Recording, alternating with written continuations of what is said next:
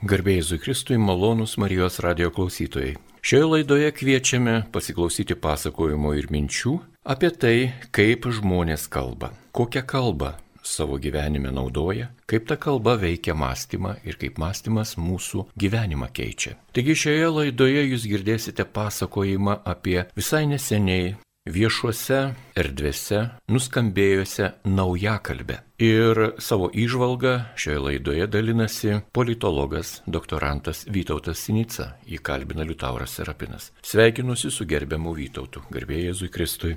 Per amžius. Labai dėkojame, kad Marijos radio eteryje jūs skiriate laiko ir galėsite mums atskleisti tam tikras, na, sakykime, paslaptis apie naujos kalbos Lietuvoje atsiradimą. Ko jau, ko jau, o kalba mes neturėtume jau ir skūstis, nes esame apdovanoti iš dangaus per tūkstantmečius, turėdami vieną seniausių pasaulyje kalbų. Taigi nauja kalbė, kas tai? Žmonės rūpinasi, jaudinasi ir kai kurie net išsigandę yra, kad galbūt jie nežino tos naujakalbės, o girdėjo šį beitą ir apie tam tikras bausmes, jeigu savo gyvenime nepavartosi tinkamo žodžio, gali gauti baudą. Ar iš tikrųjų taip grėsminga viskas, gerbiamas Vytautai? Pakankamai grėsminga, sakyčiau. Aš nemanau, kad e, žmonės turėtų bijoti kol kas kažkokių bausmių kasdienėme gyvenime dėl to, kad kalba neteisingai. Čia yra galbūt iš sovietmečio patirties tokia ataidinti baime,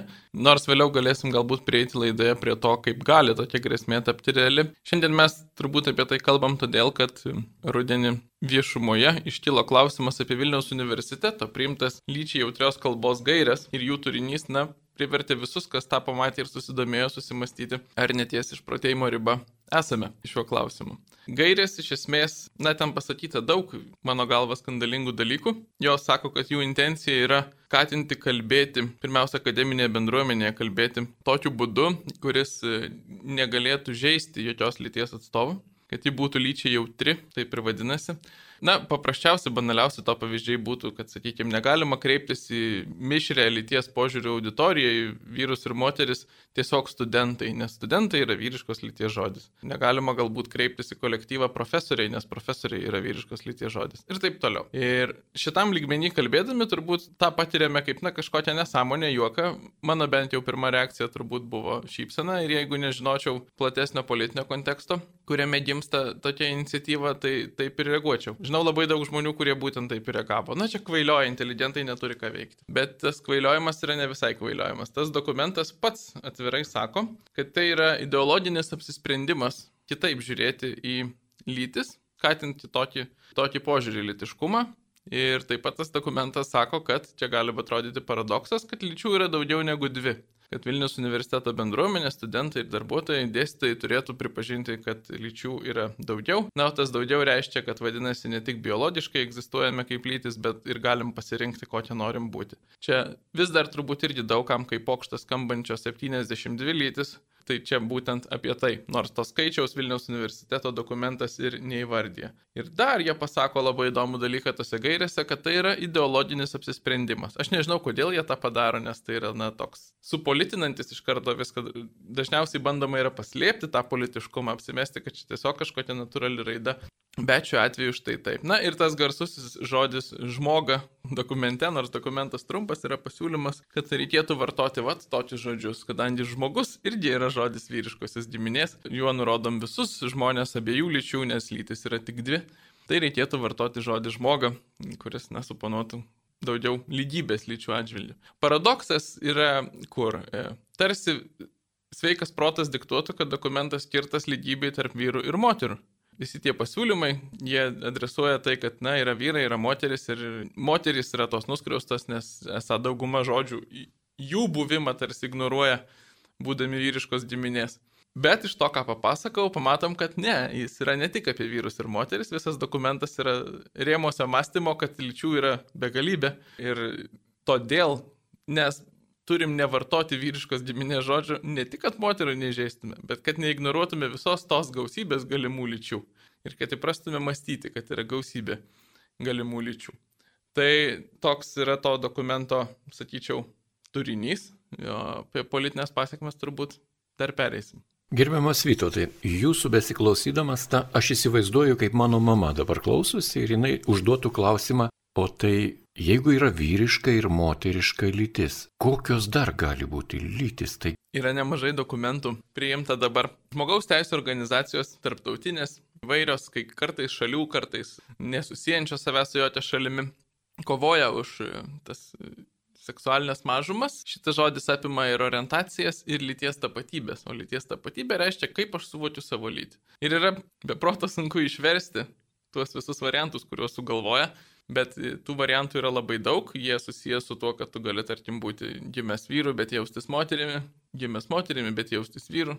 Viena yra, jeigu tu tik jautiesi ir nenori pakeisti savo fizinio kūno, kita yra, jeigu tu ir jautiesi ir nori pakeisti savo fizinį kūną. Yra iš tikrųjų labai labai siauros e, grupės, bet egzistuoja realūs atvejai interseksualų, kurie fiziškai gimė su chromosomomis skirtingų lyčių. Jais labai dažnai prisidenginėja visos kitos grupės, nes jų problema, nu, buvimas neaiškios lyties tapatybės ir galbūt ne, ne, negalėjimas apskritai atrasti ramybės su savo tapatybė, susitaikyti su to, ką esi, jų problema ir kentėjimas yra realus, bet visi kiti, kurių problema yra iš esmės ideologinė, užgaida, prisidenginėja būtent šią grupę. Ir po to yra daugybė pavadinimų, kurie apskritai niekaip neįsiverčia, aš negaliu jų pristatyti. Yra žmonės, kurie sus vėlgi pavadinimai išgalvoti, bet tapatybės esmė, kad aš atsisakau iš viso būti šiame spektre kažkur tarp vyru ir moters, aš atsisakau būti klasifikuojamas kaip vyras arba moteris, aš esu kažkas kito. Po to yra visai lė tapatybių, kurios susijusios su tuo, kad laikė gali keistis.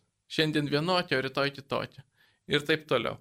Galima, šitas dokumentas ir apskritai šitą ideologiją kol kas tarsi viešai nepripažįsta e, šitų pasiekmių, bet iš tikrųjų jau atsirado žmonės, kurie lygiai tuo pačiu principu, kad mes galim rinktis, kas esam, tuo pačiu principu pradėjo kalbėti, tai palauti. Tai aš galiu pasirinkti savo amžių, aš galbūt noriu jaustis esas, aš jaučiuosi esas jau pensinio amžiaus ir aš noriu, kad man mokėtų pensiją. Arba aš jaučiuosi ten kokio nors amžiaus, iki kurio yra leidžiama gauti paskolą būstui su valstybės pagalba. Ir taip toliau. Ir visas šitas, nors atrodo kaip pokštas, bet žmonės teisėsi dėl to. Kovojo teismuose. Ir, ir ta beprotybė, mano galva, beprotybė, bet ji nėra beprotybė lygos pobūdžio, yra beprotybė ideologinio pobūdžio. Ta prasme, ji yra sugalvota akademinėme pasaulyje ir jinai sklinda iš jo į visuomenę ir yra sistemingai skleidžiama. Tai jos, jos pabaigos kaip ir nėra. Ir ji plaukia filosofiškai iš idėjos, kad žmogus pats save kuria be jokių ribų ir nėra bruožų, kurie būtų objektyvūs, prigimti. Viską mes galime sukurti ir pasirinkti.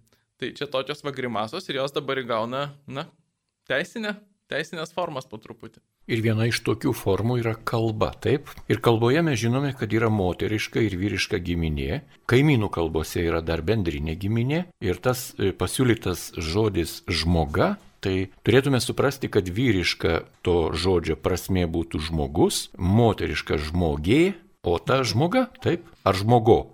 Aš nesu tikras, aš nesu tikras, kokia čia idėja tokia berots filosofė Daiva Repečkaitė gal prieš dešimtmetį pasiūlė šitą žodį, bet aš niekada nebuvau įsigilinęs į jo klasifikavimą kalbos dalimis ir visokiais kitais aspektais, nors žinau, kad buvau pats šituo žodžiu įvardyjamas jos ar kitose tekstuose viešoje erdvėje. Negalėčiau atsakyti tai, kaip, kaip klasifikuoti šitą žodį. Bet tai tikrai galima įvardinti kaip kūrybą, taip kaip poezija arba kažkokį literatūrinį kūrinį, arba ieškojimo kažkokių naujų, naujadarų, kas yra kūrybingumas, taip? Čia būdingas plevenimas tarp, kaip čia pasakius, sričių. Patys autoriai iš tam dokumente pabrėžia, kad tai jokių būdų nėra teisė. Niekas neprivers nei pareigos jūs privalomai to daryti. Kai kilo pasipiktinimas, rektorius paleido tokį, na, sakykime, aplinkraštį universiteto bendruomeniai, kad čia buvo tik rekomendacijos ir, ir jokios prievartos ir jie tik norim atspindėti vykstančius pokyčius. Bet čia yra pagrindinis momentas tokiais dokumentais jokių būdų neatspindimi vykstantis pokyčiai. Šitais dokumentais yra kuriami pokyčiai, kurių norėtųsi ir kurių nėra. Niekas arba absoliučiai vienetai, nereikšmingi statistiškai vienetai mūsų visuomenėje ir turbūt, kad ir akademinėje bendruomenėje vis dar masto taip apie lytis ir norėtų keisti kalbą. Tai nėra kažkoks įvykęs pokytis visuomenėje, kurį reiktų atliepti. Tai yra dokumentas skirtas tam, kad pakeitę kalbą kuri yra būties namai, kaip na, tas pasakymas, per kurią mes suvokiam tikrovę ir nuo kalbos priklauso, kokią tą tikrovę mes suvoksim, kokios bus jos ribos. Šitas suvokiant yra siūlomas dokumentas, kuris, jeigu jo bus klausoma, ir keis tą mūsų suvokimą. Keis suvokimą šiuo atveju apie lytis. Galbūt kitas dokumentas, jeigu mes būtume, tarkim, rasiškai mišri visuomenė, kaip JAV, Aš beveik nebejoju, kad būtų koks nors dokumentas siūlomas apie tai, kuris keistų mūsų suvokimą į ten rasinį įvairovę. Ir, na, ta pasirinkimų galimybė begalinė. Štai prieėjome prie tam tikro aktualaus, tikrai šiuo metu aktualaus supratimo, tai kas vyksta ir universiteto bendruomenėje, ir aplink universitetą, sakykime, gatvėje, kieme, šeimoje ir kur kitur. Žmonės sunerimo, kad akademinė bendruomenė tai yra tie, kurie turi įsilavinimą, turi tam truputį daugiau negu, negu reikia, na, sakykime, atlikti pagrindinius mūsų darbus namuose ar kur kitur. Žmonės turintys didesnį įsilavinimą kelia tokias idėjas. Gal galite papasakoti, iš kur atsirado jūsų universitete šitas dokumentas arba poreikis, kas yra jo autoriai? Autoriai, konkretus autoriai, kurie parašė šitą dokumentą, yra penki ir aš juos perskaitysiu, kad nesuklyščiau jų pareigomis ir titulais. Tai yra profesorė Natalija Arlauskaitė iš Tarptautinių santykių ir politikos mokslų instituto, profesorė Loreta Vaicekauskinė iš filologijos fakulteto, profesorius Jurgis Pakeris, jeigu teisingai kirčiuoju, taip pat iš filologijos fakulteto, daktaras Vuk Vukovic irgi iš filologijos fakulteto, ir doktorantė Kvilė Dinetaitė iš filosofijos fakulteto. Vyrai šioje kompanijoje viešumoje galbūt nėra tiek reištėsi, moterys yra labai daug reiškusios. Natalija Arlauskaitė yra žmogus atėjęs iš rusų filologijos ryties, tačiau dabar jau gerą dešimtmetį politikos mokslo fakultete pasinėręs į feminizmo tyrimus, mokantis studentus, bent jau iš tų laikų, kai aš pats buvau studentas, galėčiau liūdėti apie vat, būtent šitų visų dalykų, lyties tapatybių paieškų pagristumą, solidumą, ne, ne ideologinį pobūdį. E, Loreta Vaicekauskinė viešoje erdvėje, sakyčiau, labiausiai yra išsiskyrusi kova prieš kalbos norminimą. Jos yra tezė, kad nereikalinga lietuvių kalbos komisija ir kad kalba tokia, kokia faktiškai egzistuoja, kaip mes ją kasdienybėje vartojam, tokia ji ir turi būti ir niekas neturi jos norminti. Tai čia tokia pozicija ir keista, kažkuria prasme keista, ar ne, kad e, žmogus su tokia pozicija būtent įmasi norbinti, kaip mes turim vardyti lytį. Na, galiausiai Akvilė Dinetaitė yra žmogus e, tiek LRT eterėje, tiek važinėjant po mokyklas, visokiuose renginiuose, tengiantis plėtoti tokį progresyvų kairį požiūrį į lytinį švietimą apie tai, mes turėtume mokyti vaikus apie lytinį gyvenimą, supažindinti su kontracepcija, destigmatizuoti į įvairias e, seksualinės orientacijas ir taip toliau. Tai žmonės parinkti šitam darbui buvo, aš sakyčiau, su tam tikru tokiu proaktyviu užsidėgymu e, ir angažavimusi šitai temai, ne, ne, ne šiaip tiesiog specialistai, o būtent turintys ideologinę nuostatą, kad reikia tą daryti. Bet jiems pavestas tas darbas buvo va tokiame kontekste, kad Vilniaus universitetas dalyvauja Europos komisijos finansuojamos programos Horizon 2020 viename iš projektų, vadinasi SPIR, toks trumpinys, susijęs su na, lyčių lygybės idealų įgyvendinimu aukštąją mokslę universitetuose tyrimuose. Ir gyvendinant šitą, šitą projektą Vilniaus universitete 20 metų vasario 18 dieną buvo Senato, jeigu neklistus, patvirtinta Vilniaus universiteto įvairovės ir lygių galimybių strategija 20-25 metams ir tada kartu su ją įgyvendinimo planas. Ir va tame Senato patvirtintame gyvendinimo plane buvo vienas iš punktų numatytas priemonė, manyčiau, va šitos e, lyčiai jautrios kalbos gairių dokumento parengimas. Na tai vadinasi, šitiem penkiem žmonėms šitą darbą pavedė Senatas, o Senatas pavedė todėl, kad Vilniaus universitetas dalyvauja finansuojamam projekte. Tai sakytume, viską lemia ES pinigai. Bet ir čia, mano galva, ne čia pasibaigia ta priežastinė grandinė, nes o kodėl Europos komisija tokius projektus finansuoja? Kodėl tai yra kažkas? Visada finansavimas reiškia prioritetą, reiškia, kad skatinamas toks elgesys. Kodėl Europos komisija nori skatinti tokį elgesį? Ir mano galva vis tiek mintis eina pirma veiksmo ir šiuo atveju ideologija eina pirmiau finansavimo. E, Europos komisijoje ten sprendimus priimantis žmonės Nebūtinai politikai ir biurokratai, aš manau, vadinamieji ekspertai, jie jau yra išauklėti būtent šitais įsitikinimais apie tai, kad žmogus renkasi savo tapatumą absoliučiai, kad seksualinis išlaisvinimas turi būti absoliutus, kad lytis yra laisvai pasirenkamos ir tada yra galvojama, kokiais būdais gali ir toms tamsioms europiečių masėms, kurios šito nesupranta, tą požiūrį paskleisti. Ja, ir jau manau, kad spėta suprasti ir tikrai kairioji vat, šitų pažiūrų, aš sakyčiau, neomarksistinių pažiūrų stovykla gerai įvaldžiusi tą mechanizmą, jog universitetas universitetas ir po to žiniasklaida yra dvi pagrindinės priemonės skleisti kažkokį požiūrį, kuris visuomenėje atramos neturi, bet yra noro ir puiku, jeigu yra pinigų, tą požiūrį skleisti. Tai štai dėl to Europos komisija, aš manau, tokius, tokius projektus remia, o universitetams pinigų reikia.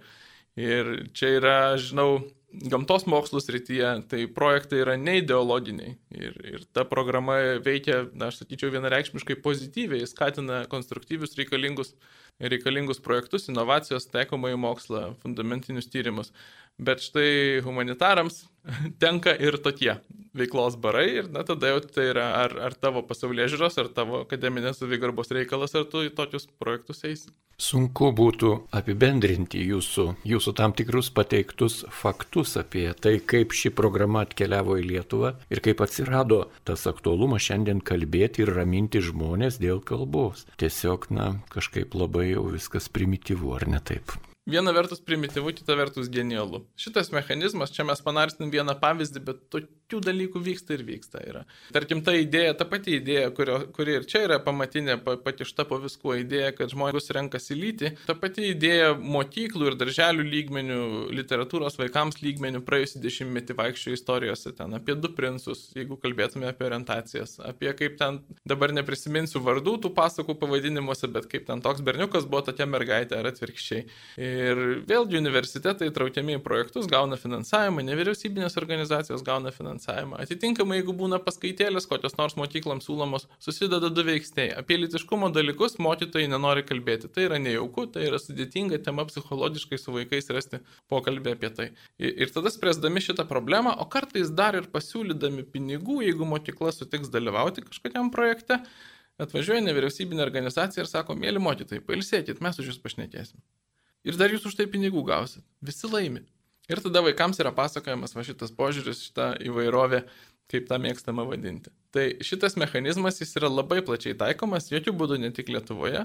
Labai daug kenčia šiuo metu, beje, kritikos strėlių Lenkija ir Vengrija, nes turbūt vienintelės ėmėsi iš esmės kovoti su šituo mechanizmu, su šitą, nu, tą vykdančios organizacijos, nevyriausybinės organizacijos dažniausiai, na, tai yra tokia, tarsi skatintina pilietinė veikla, pilietinė visuomenė po šitais pavadinimais mes randam visada tokias organizacijas. Nors tie pavadinimai talpina viską ir gerus ir blogus dalykus. Tu turi žiūrėti įdėmiau, kad atskirtum, kas yra gera, kas yra bloga. Ir tada valdžia, kuri nusprendžia užkardyti va tokias praktikas, kokias ką tik nupasakojau, tampa kovojančia prieš pilietinę visuomenę. Nors, na, kaip suprantam, kova yra ideologinė, o ne prieš piliečių aktyvumą kaip tokį apskritai. Tai ar sofistikuota ar paprasta yra ši situacija, aš paliksiu klausytojui spręsti. Tikėkime, kad ši laida žmonėms tikrai duos tam tikrą ramybę ir tam tikrą supratimą, jog ne viskas eina tiesiog taip mechaniškai konvejeriu. Galima tą konvejerį kartais pristabdyti, o kartais galime jį ir išjungti. Jeigu tas konvejeris yra įsibėgėjęs labai stipriai ir gali pradėti žaloti aplinką. Šiuo kart turbūt ta aplinka būtų mūsų kalba. Ir kalbos žalojimas taip pat yra, na, tam tikras, sakykime, veiksmas, kurio, kurio žavėtis turbūt niekas nesižavi. Net ir tie, kurie už tam tikrus pinigus bando kažkiek, na, patvarkyti savo ekonominę finansinę padėtį. Gal nėra taip vien tik taip. Ir norėjau jūsų gerbiamas Vytautai aš paklausti tą išlygą arba tas apibendrinimas, kad na va čia akademinis pasaulis šiek tiek kvailioja. Ar tikrai toks lengvas apibendrinimas arba įvertinimas yra tinkamas? Visiškai netinkamas yra toks e, situacijos vertinimas. Šitas dokumentas gal toks atrodo daugiau keliantis šypsenų ir tiesioginės grėsmės tarsi ir ne, ne, nerodantis, bet aš jį matau kontekste tiek vakarų pasaulio, tiek dabar jau ir Lietuvoje nuolat besikartojančių iniciatyvų kažkaip prievartauti žmonių kalbą. Dažniausiai tai yra vadinama politinio korektiškumo, neapykantos kalbos kaip tai yra vadinama, e, ribojimai, bet po to neapykantos kalba, kuri tarsi sveikas protas vėl sakytų. Čia mums nuolat kliudo sveikas protas suvokti tai, kas vyksta, nes sveikas protas ir ideologinės fantazijos menkai dera skirtingose pasauliuose egzistuoja. Sveikas protas mums sako, kad yra pasibjaurėtina, kai žmonės kleidžia neapykantą, kai mes žeminam kitus žmonės, įžeidinėjom kažkaip taip toliau. Bet vienas dalykas, tai yra kultūros etiketo, jeigu norit sritis. Mano nepagarbus kalbėjimas su jumis ar su kažkuo išauks, na, žmonių pasmerkimą ir atitinkamą manęs vertinimą, bet tai neturėtų būti norminama teisiškai. tarkim, kad aš pasakiau, kad kažko nemėgstu ar kažką įžeisiu ar dar kažkaip. Kitas dalykas, šitas neapykantos kalbos reguliavimas, jis visada yra susijęs vėlgi su ta įvairovė ir įvairiausiamis mažumomis ir taikomas tik joms. Mes Lietuvoje turim jau ilgą laiką baudžiamo Tai baudžiamojo kodekso straipsnį, kuris numato sankcijas už neapykantos kurstimą konkrečioms grupėms dėl jų tapatybės. Ne bet kam. Ne jums, ne man, daugelis klausytojų turbūt niekaip negalėtų patekti tas grupės. Ne. Žmogus yra saugomas nuo neapykantos kalbos tik tuo atveju, jeigu tai yra neapykanta jam ne kaip asmeniui, o neapykanta jam kaip kažkokios grupės atstovui. Ir tos grupės yra išvardintos. Aš galiu suklysti ir viso sąrašo nevardinsiu, bet ten yra vėlgi, kaip visada, seksualinės mažumos, yra tautinės mažumos, Dabar Teisingumo ministrė stengiasi kaip nors išplėsti šito įstatymo taikymą. Pavasarį bandė ir tai buvo labai grubus veiksmas ir vėl labai subtilus perkelti, kad tai būtų nebaudžiamoji administracinė atsakomybė. Atrodytų palengvinimas, juk į kalėjimą nesodins, o tik baudas skirs. Bet reikalas tas, kad baudžiamoji atsakomybė, kuri galioja dabar, yra reikalingas teismas, yra reikalinga įrodyti kaltę. Ir nubaudžiama būna labai mažai šitos idėjos, kad reikia cenzuruoti kalbą šalininkus, labai nuvilia, kaip mažai yra žmonių nubaudžiama. Reikia bausti kuo daugiau žmonių. Nes šitų įstatymų paskirtis yra iš esmės pasėti baimę, kad žmonės bijotų komentuoti, bijotų šnekėti, patys save cenzuruotų, kad o galbūt aš čia kažką leptelsiu, po to bus blogai man. Ir tą cenzūrą užtikrinti vidinę daug efektyviau yra, jeigu bausmės mažos, baudos, bet jos yra pagal administracinę atsakomybę. Tai yra policija pamatė, išrašė ir tau kaip už kokį greičio viršymą atsiuntė baudą. Ir tada taikymas galėtų būti daug platesnis. Buvo tikrai nemažas pasipiktinimas šituo, ta pati žiniasklaida įvairūs teisininkai kritiškai įvertino ir nuo to buvo atsitraukta. Dabar mačiau paskutinę iniciatyvą Teisingumo ministrės yra palikti baudžiamajame kodekse, taigi teismas turėtų vertinti tokius prasižengimus, bet plėsti sąrašą tų grupių, dėl ko ten, man atrodo, atsiranda lik. Jau yra rasė, atsiranda odos spalva, kas iš esmės juk yra žmonių sąmonėje tas pats.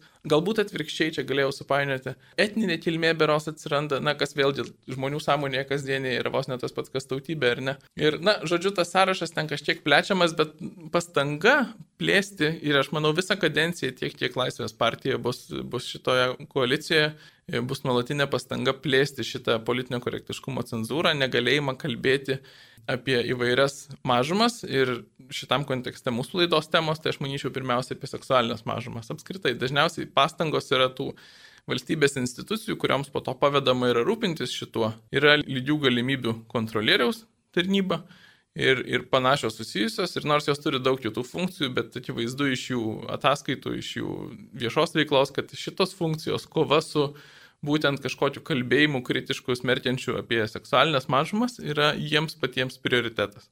Ir tai, kas yra Lietuvoje, yra dar palyginus nuosaiku. Nes, pavyzdžiui, Prancūzijoje bijau sumeluoti, 17 metais yra priimtas įstatymas, kuris šnekamojo galbūt kalboje, tai dažniausiai vadinama vakaruose antihomofobijos įstatymais, kurie numato bausmes už, už kalbėjimą net ir privačiai, smerkianti kalbėjimą apie seksualinės mažumas. Ir į tai įeina, jau, jau teismų praktika tą rodo, į tai įeina ir pavyzdžiui pasakymas, kad homoseksualumas yra nuodėmė. Homoseksualų santykiai, kad yra nuodėmė. Ir dabar na, galima savęs paklausti, ašgi turbūt aš tai tikrai nevaikštau, nelakstau ir, ir ne, ne, nešneku žmonėms, kad va, homoseksualų santykiai yra nuodėmi. Bet klausimas nėra toks praktinis, kad ar aš galėsiu eiti ir tai pasakyti. Klausimai yra du. Pirma, yra žmonių, kuriems tikrai pareiga yra taip kalbėti ir mes čia kalbam pirmiausia apie dvasininkus.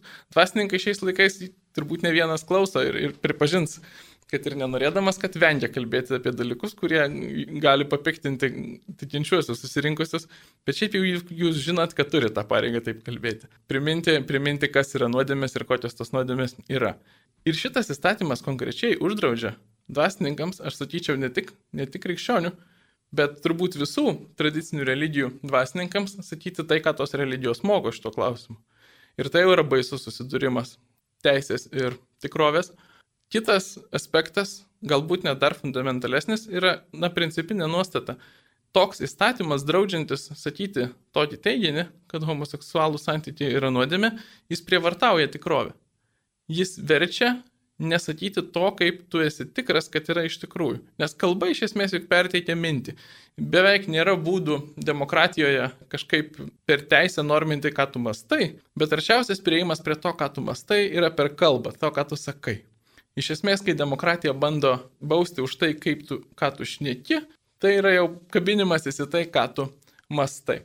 E, buvo labai garsi istorija apie Jordaną Petersoną, e, Kanados Toronto universiteto profesorių, kuris prieš keletą metų Jis dabar yra labai garsus ir Lietuvoje jo knygos išverstos buvo pačios perkamiausios negrožinės knygos. Už labai didžiulius pinigus jis keliauja po pasaulį, dabar ir skaito viešas paskaitas. Na, žodžiu, tapo garsenybė. Garsenybė jis tapo pasipriešinęs analogiškam įstatymui Kanadai. Kanadoje buvo priimtas įstatymas įpareigojantis kreiptis į kiekvieną asmenį tokiu įvardžiu, tokia lytimi, kokia jis nori. Nepaisant to, kad, tarkim, aš prieš tave matau vyrą, aš turiu jo paklausti, kaip jis nori būti vadinamas ir jeigu jis nori būti vadinamas moterim, tai aš turiu jį vadinti moterim, suprasdamas, jog kad taip nėra. Ir Jordanas Petersonas kaip profesorius susiduriantis kasdien su studentais, kurie, na dabar dažnai turbūt Kanadoje studentai tokių norų turi, pasakė, ne, tai yra mano tikrovės prievartavimas, ir aš tam nepasiduosiu iš principo. Aš galiu iš mandagumo, kai nėra tokio įstatymo, jisai sako, aš galiu iš mandagumo e, tą nesąmonę šnekėti.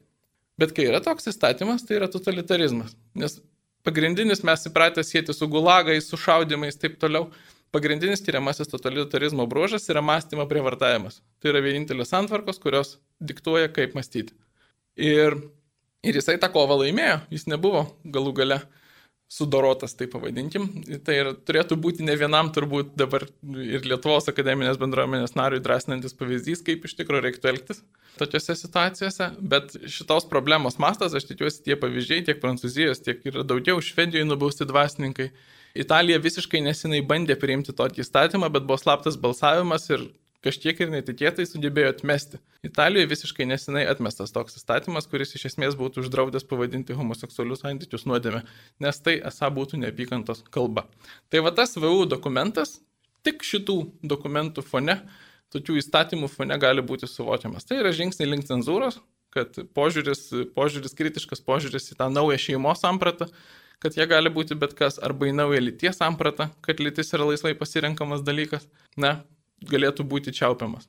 Mus prie to veda. Malonus radio klausytojais girdite laidą, kurioje savo išvalgą dalinasi Vytautas Sinica, politologas, doktorantas, Propatrio organizacijos vadovas ir įkūrėjas. Jį kalbina Liutauras Serapinas. Tęsime laidą.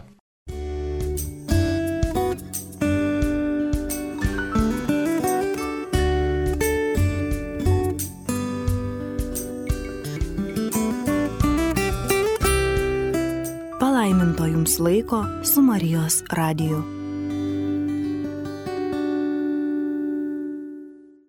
Malonus radio klausytojai, tęsėme laidą, kurioje kalbame apie naujakalbę, apie taip vadinamą kalbą, kuri yra kuriama šiuo metu ir ji yra mums taip dekoratyviai, švelniai pristatoma netgi per įvairiausias bendruomenės, visuomenės ir Mes turime savo patirtį, taip pat krikščionys, katalikai Lietuvoje turime savo patirtį apie kalbų buvimą. Taip pat mes suprantame, jog turėjome patirtį po antro pasaulinio karo, kai Lietuva buvo okupuota bolševikų, tai ta norminė oficialioji kalba, kuri skambėjo laikraščiuose, jų vedamuosiuose, televizijoje, radijoje. Ta oficialioji kalba irgi buvo truputį kitokia negu ta mūsų šnekamoji kalba. Ten buvo tam tikri irgi konstruktai tokie padaryti, kur ideologiškai mus veikdavo. Užmiršome apie tai, kad žodis draugas tiesiog buvo kasdieninis dalykas. Draugas Petras, draugas Antanas, jokie jie draugai. Ir tai yra melas, jie nedraugai, netgi priešai galbūt buvo,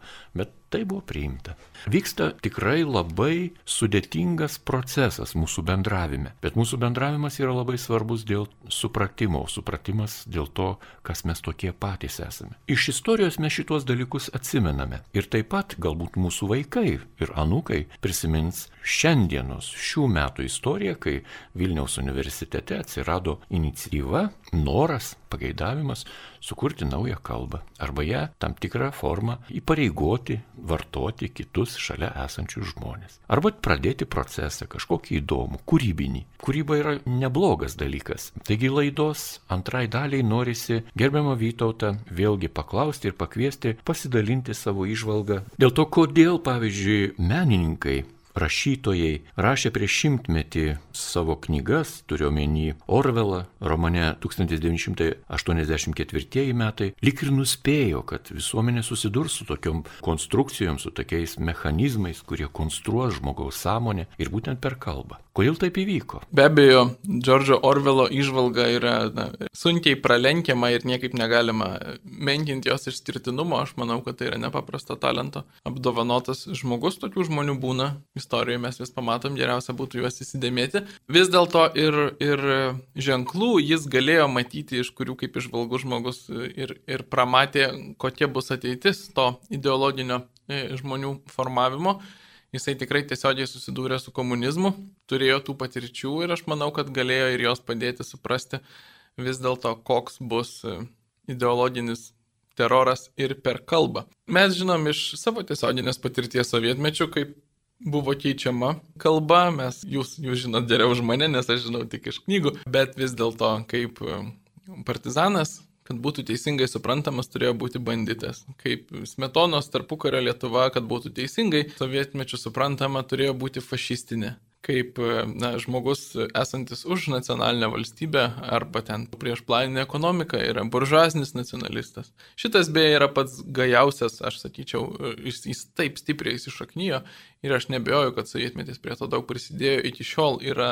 nesuvokimo, nors aš pats puikiai savo kailių žinau, kad mokykloje yra mokoma tiesa apie nacionalizmą, kad vadovėliuose yra sakoma, kad tai yra viso labo tautos noras turėti valstybę ir joje save valdyti, bet didžiulė dalimi dėka sovietmečio ir iš sovietmečio ateinančių iki šiol viešojo erdvėje įtakingų autorių, turbūt yra tas sovietinis požiūris skleidžiamas, kad tai yra, na, neapykantos kitiems neapykantos kitoms tautoms pirmiausia požiūris. Tik žodis buržuaznis nukrito, nes dabar tai nebėra nieko blogo, bet būti nacionalistų, tai yra save valdančios tautos šalininkų vis dar yra bloga. Tai sovietmetis nuolatos visai keitė e, žodyną, kaip tuo metu jiem atrodė aktualiausiai reikėjo, tas seksualinis klausimas nebuvo toks aktualus ir tada turbūt tiek nesimatė jo.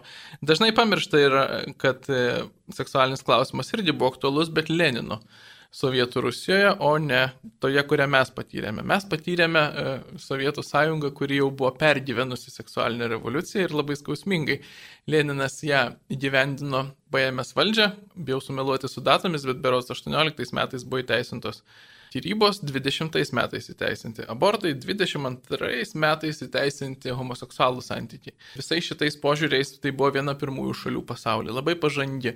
Kai yra sakoma, o mums juk dažnai sakoma Lietuvos visuomenėje visai, kad jeigu žiūri kritiškai į tą seksualinį išsilaisvinimą, į seksualinių mažumų reikalavimus, tai tu esi kažkoks prorusiškas ir antivakarietiškas. Bet Jeigu mokėtume istoriją, tai yra atvirkščiai.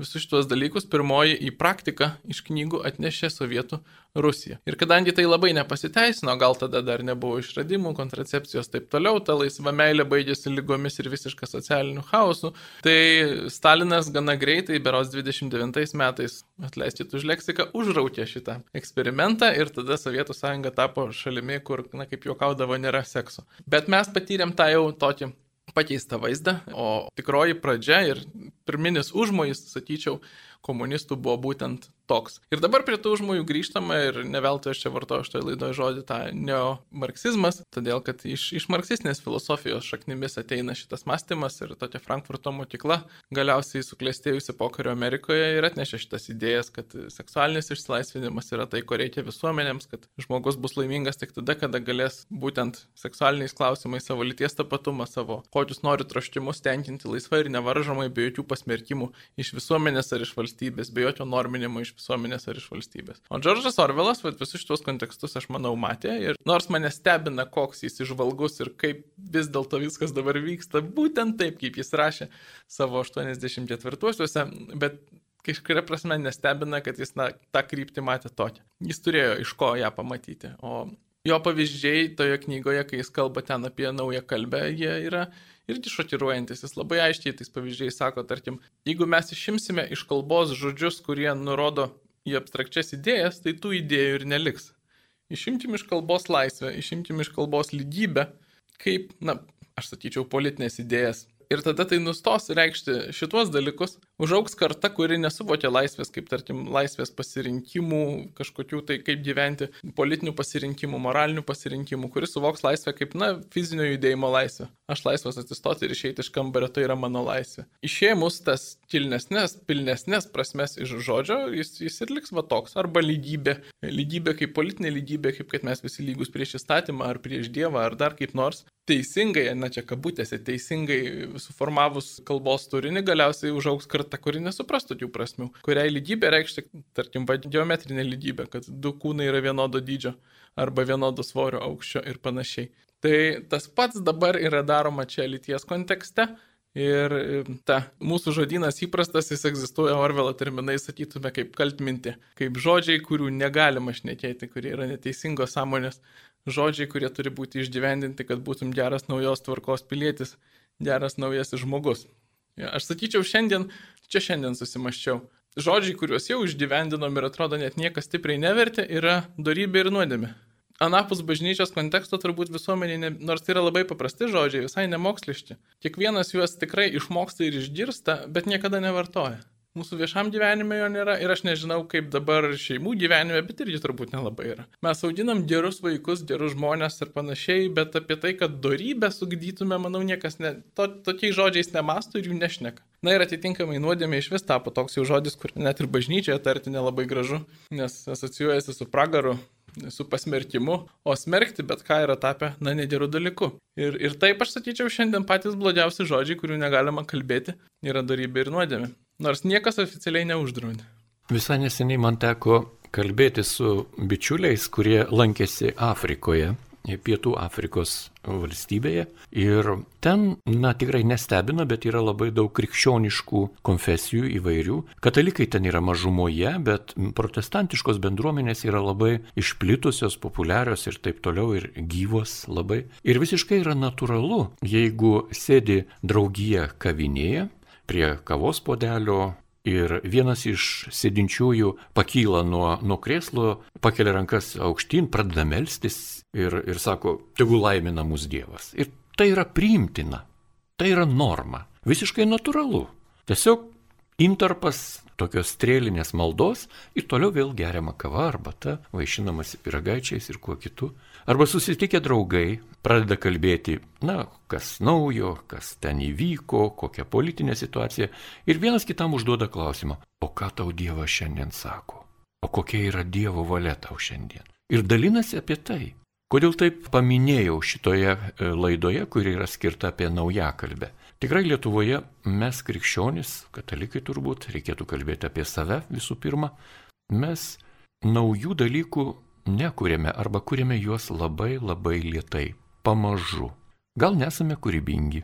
Na, mūsų oponentai, tie, kurie oponuoja mums ir sako, kad jūs ten klystat, jūs ten nesuprantate, esat viduramžių epochos, reiškia, palikuonis ir ką kita, tamsybininkai, iš tarybinių laikų net atėjo tokie terminai. Jie kūrybingesni, jie nuolat kažkokį sugalvoja, vis kažkokį įdomumą ir mes va, vietoj to, kad kalbėti apie save, kaip mes gražiai galime sukurti naują žodį, kad ir maldoje švenčiausios Dievo motinos mergelės Marijos, žinot, kovojame ten tarpusavį ginčiamės ar yra iššių vaisius, ar, ar sunus, kaip reikėtų tarti, arba šventų mišių metu, sakom, šventas, šventas, šventas, galėtume pasakyti paprastai, visų švenčiausias. Tie visi dalykai kažkaip ne, o turime kalbėti apie tuos, kuriais nesame, jie mums, jie mums pasuoja kamolį, mes turime žaisti tuos žaidimus. Gerbiamas Vytautai, kodėl taip yra? Didelė dalim, aš manau, tai yra užprogramuota, jeigu taip galima sakyti, pačių starto pozicijų, jos yra nelygios. Jeigu gyveni pavadinkim, santarvėje su pasaulio tvarka, priemi tikrovę kaip tikrą ir nenori jos perkurti, jeigu tavo akiratie nėra kažkokio vat, naujojo pasaulio ir naujo žmogaus iš didžiosios raidės, kad žmonės reikia perauklėti, kad pasaulį reikia perkurti, tai tu, tu esi blogesnėje pozicijoje tu nenori kažko tai labai daug naujo sukurti, tu nori prasmingo gyvenimo, dorybingo gyvenimo, profesinėje veikloje, sėkmės, sėkmingos šeimos, matyti savo vaikus, anūkus augant ir taip toliau. Na nežinau, žmonės turi įvairių tikslų, kaip realizuoti savo gyvenimą, bet tu nenori kitų priversti gyventi tokioje tikrovėje. Ir tu iš esmės esi toks kaip ir saugotojas to, ką jau pasiemė.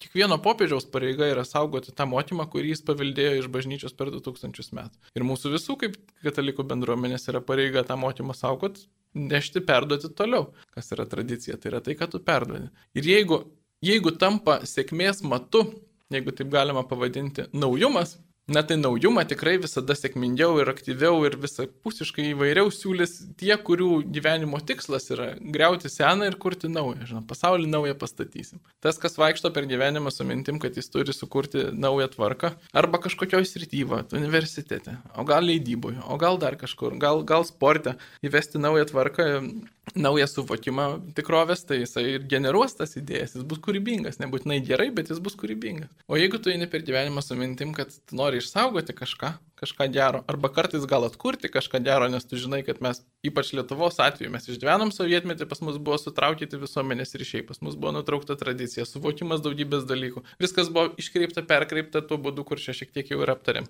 Žodynė ir ne tik. Mums labai daug ką reikia tiesiog atkurti. Ne dėl to, kad gyvenimas prieš sovietmetį buvo idealus, bet na, dėl to, kad tam kai kuriais aspektais buvo aiškesnis ryšys su tikrove, negu kad mums paliko sovietmetis. Tai tu esi tada aišku, kad tamsybininkas yra retrogradas. Kas čia per atkūrinėjimai? Visa ateitis laukia tik prieki. Vėlgi, marksizmo pažadas juk yra rojų žemėje, komunizmas turėtų būti rojaus atitikmų žemėje. Kadangi nėra jokios anapusybės, nėra išganimo pamirties, reikia pažadėti kitą pažadą. Tas pažadas yra, kad mes pasieksime, ne mes kaip tarkim aš Vytautas ar jūs Liutauras, bet mes kaip žmonija pasieksime vieną dieną čia materialų rojų žemė. Ir tas į materialę ateitį nukreiptas mąstymas, jis ir verčia vis kurti tą naują tvarką ir savęs peržengimą. Aš manau, kad šita priežastis mūsų nekūrybingumo, kaip jūs sakote, yra čia. O šiaip juk be abejo tai yra pusiau juokas, ta prasme, kad konservatyvų žmonės, bendriausia prasme, žmonės su nuostata, kad pasaulį reikia saugoti, o ne perkūrinėti, yra labai kūrybingi. Ir tokių žmonių, na, man dabar, va, tarkim, čia, kad mes nutoltume nuo politikos, Tolkienas ir Lewisas, ar ne? Žmonės nepriklausomai nuo jų pažiūrų, turbūt mes, jeigu turėtume kokią nors pasaulinę apklausą, tai tai būtų žmonės, kurios, kuriais žavimasi, kuriuos žino, kurių kūrybingumu niekas nebejoja. Ir jeigu bent kiek apie juos pasiskaitytų, tai ir jų konservatyvumu niekas nebejotų. Tai kūrybinio polėkio nuostata tikrovės atžvilgių niekaip nesustabdo ir kelių neužčerta. Ir meną kūrė, ar filosofiją kūrė, ar ką nori kūrė, mokslo pasiekimus e, kūrė žmonės su požiūriu, kad pasaulis yra tikras ir jo perkurti nereikia. O va šituos pasaulio perkūrinėjimus tai tikrai daug geriau generuoja tie, kurie yra nuo katalikybės toli toli. Ačiū Jums už laidą, už pasidalinimą ir manau, kad radio klausytojui įnešėte tam tikros šviesos atsakymuose, nuogastaujant dėl to, kas vyksta, ko ne visko suprantame, ne, neprieiname prie šaltinių ir neturime autentiškos pažinimo tokios šviesos, iš kur atsirado tokie norai sukurti naują kalbę. Bet jeigu laidos pabaigai dar užduočiau tokį klausimą, o kada grįšime vėl prie naujakalbės kūrimo 2050-aisiais ar 2051-aisiais? Tai žinot, dabar tas vyksta. Aš nemanau, kad kur nors atsitrauks. Jeigu aš gerai supratau klausimą, tai tos iniciatyvos, blogos iniciatyvos, apie kurias čia kalbėjom ir nuo kurių pradėjom, aš nemanau, kad jos kur nors gali atsitraukti. Matot, koks yra užmojas. Vėlgi, jeigu grįžtam prie temos ir to požiūrio į šeimą ir į lytį perkūrimo, kad tai yra laisvai pasirenkami dalykai, kurie neturi jokios substancialios prasmės, tai tam požiūriui, naujam požiūriui įtvirtinti yra būtina užčiaupti, pavadinkim, sveiko proto požiūrį. Kame reikalas? Jeigu tu, tarkim, įteisini lyties keitimą, kuris absoliučiai daugumai žmonių atrodo prieštaraujantis sveikam protui, ar ne, ir mūsų kasdieniam suvokimui, kad nu, žmogus yra vyras arba moteris ir to laisvai nesirenka. Kol bus laisvė sakyti tą kitą požiūrį ir kol žmonės pirmiausia patys savęs nečiaups ir necenzuruos mąstyti tai ir sakyti tai, kad klausykit, ne, lytis nekeičiama. Lytis yra tik vyras ir moteris nuo gimimo iki mirties. Kol šitas požiūris galės laisvai egzistuoti, tol jisai ir dominuos, jis bus nuolatinė problema. Naują požiūrį įtvirtint jos tumėjai gali, tik užčiaupdami tą kitą, kurį šiaip jau žmogui protas ir kasdienė patirtis diktuoja.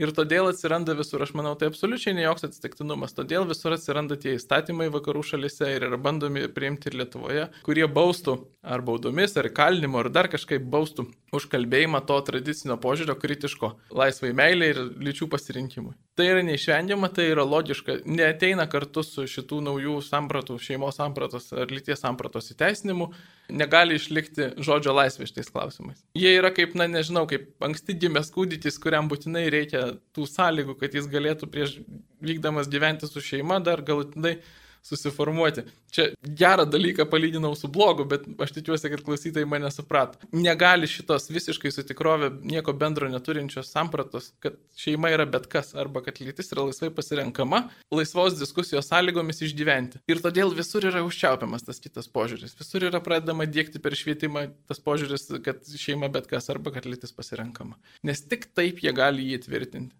Kitaip jis nebus tvarus, jis neliks. Privalai nuolat represyviai versti tą vienintelį teisingą požiūrį, na, tą naują požiūrį likti ir čiaupti tą tradicinį, kuris, na, žmonėms, aš sakyčiau, iš kasdienybės ir sveiko proto patirties ateina. Ir todėl, kai jūs klausėte, ar 50 metais vėl grįž nauja kalbė, aš tikiuosi, kad gal iki 50 metų išnyks nauja kalbė, nes iki tol aš manau, kad dar ne vieną dešimtmetį mes šituos bandymus nuolat patirsim. Taigi šiandien laidoje labai rimta tema apie naują kalbę, kuri gali įtakoti mūsų ateitį, gali įtakoti ir mūsų laisvę, ir mūsų pasirinkimą, ir mūsų tikėjimą. Jums pasakojo politologas, doktorantas Vytautas Sinica, jį kalbino Liutauras Serapinas.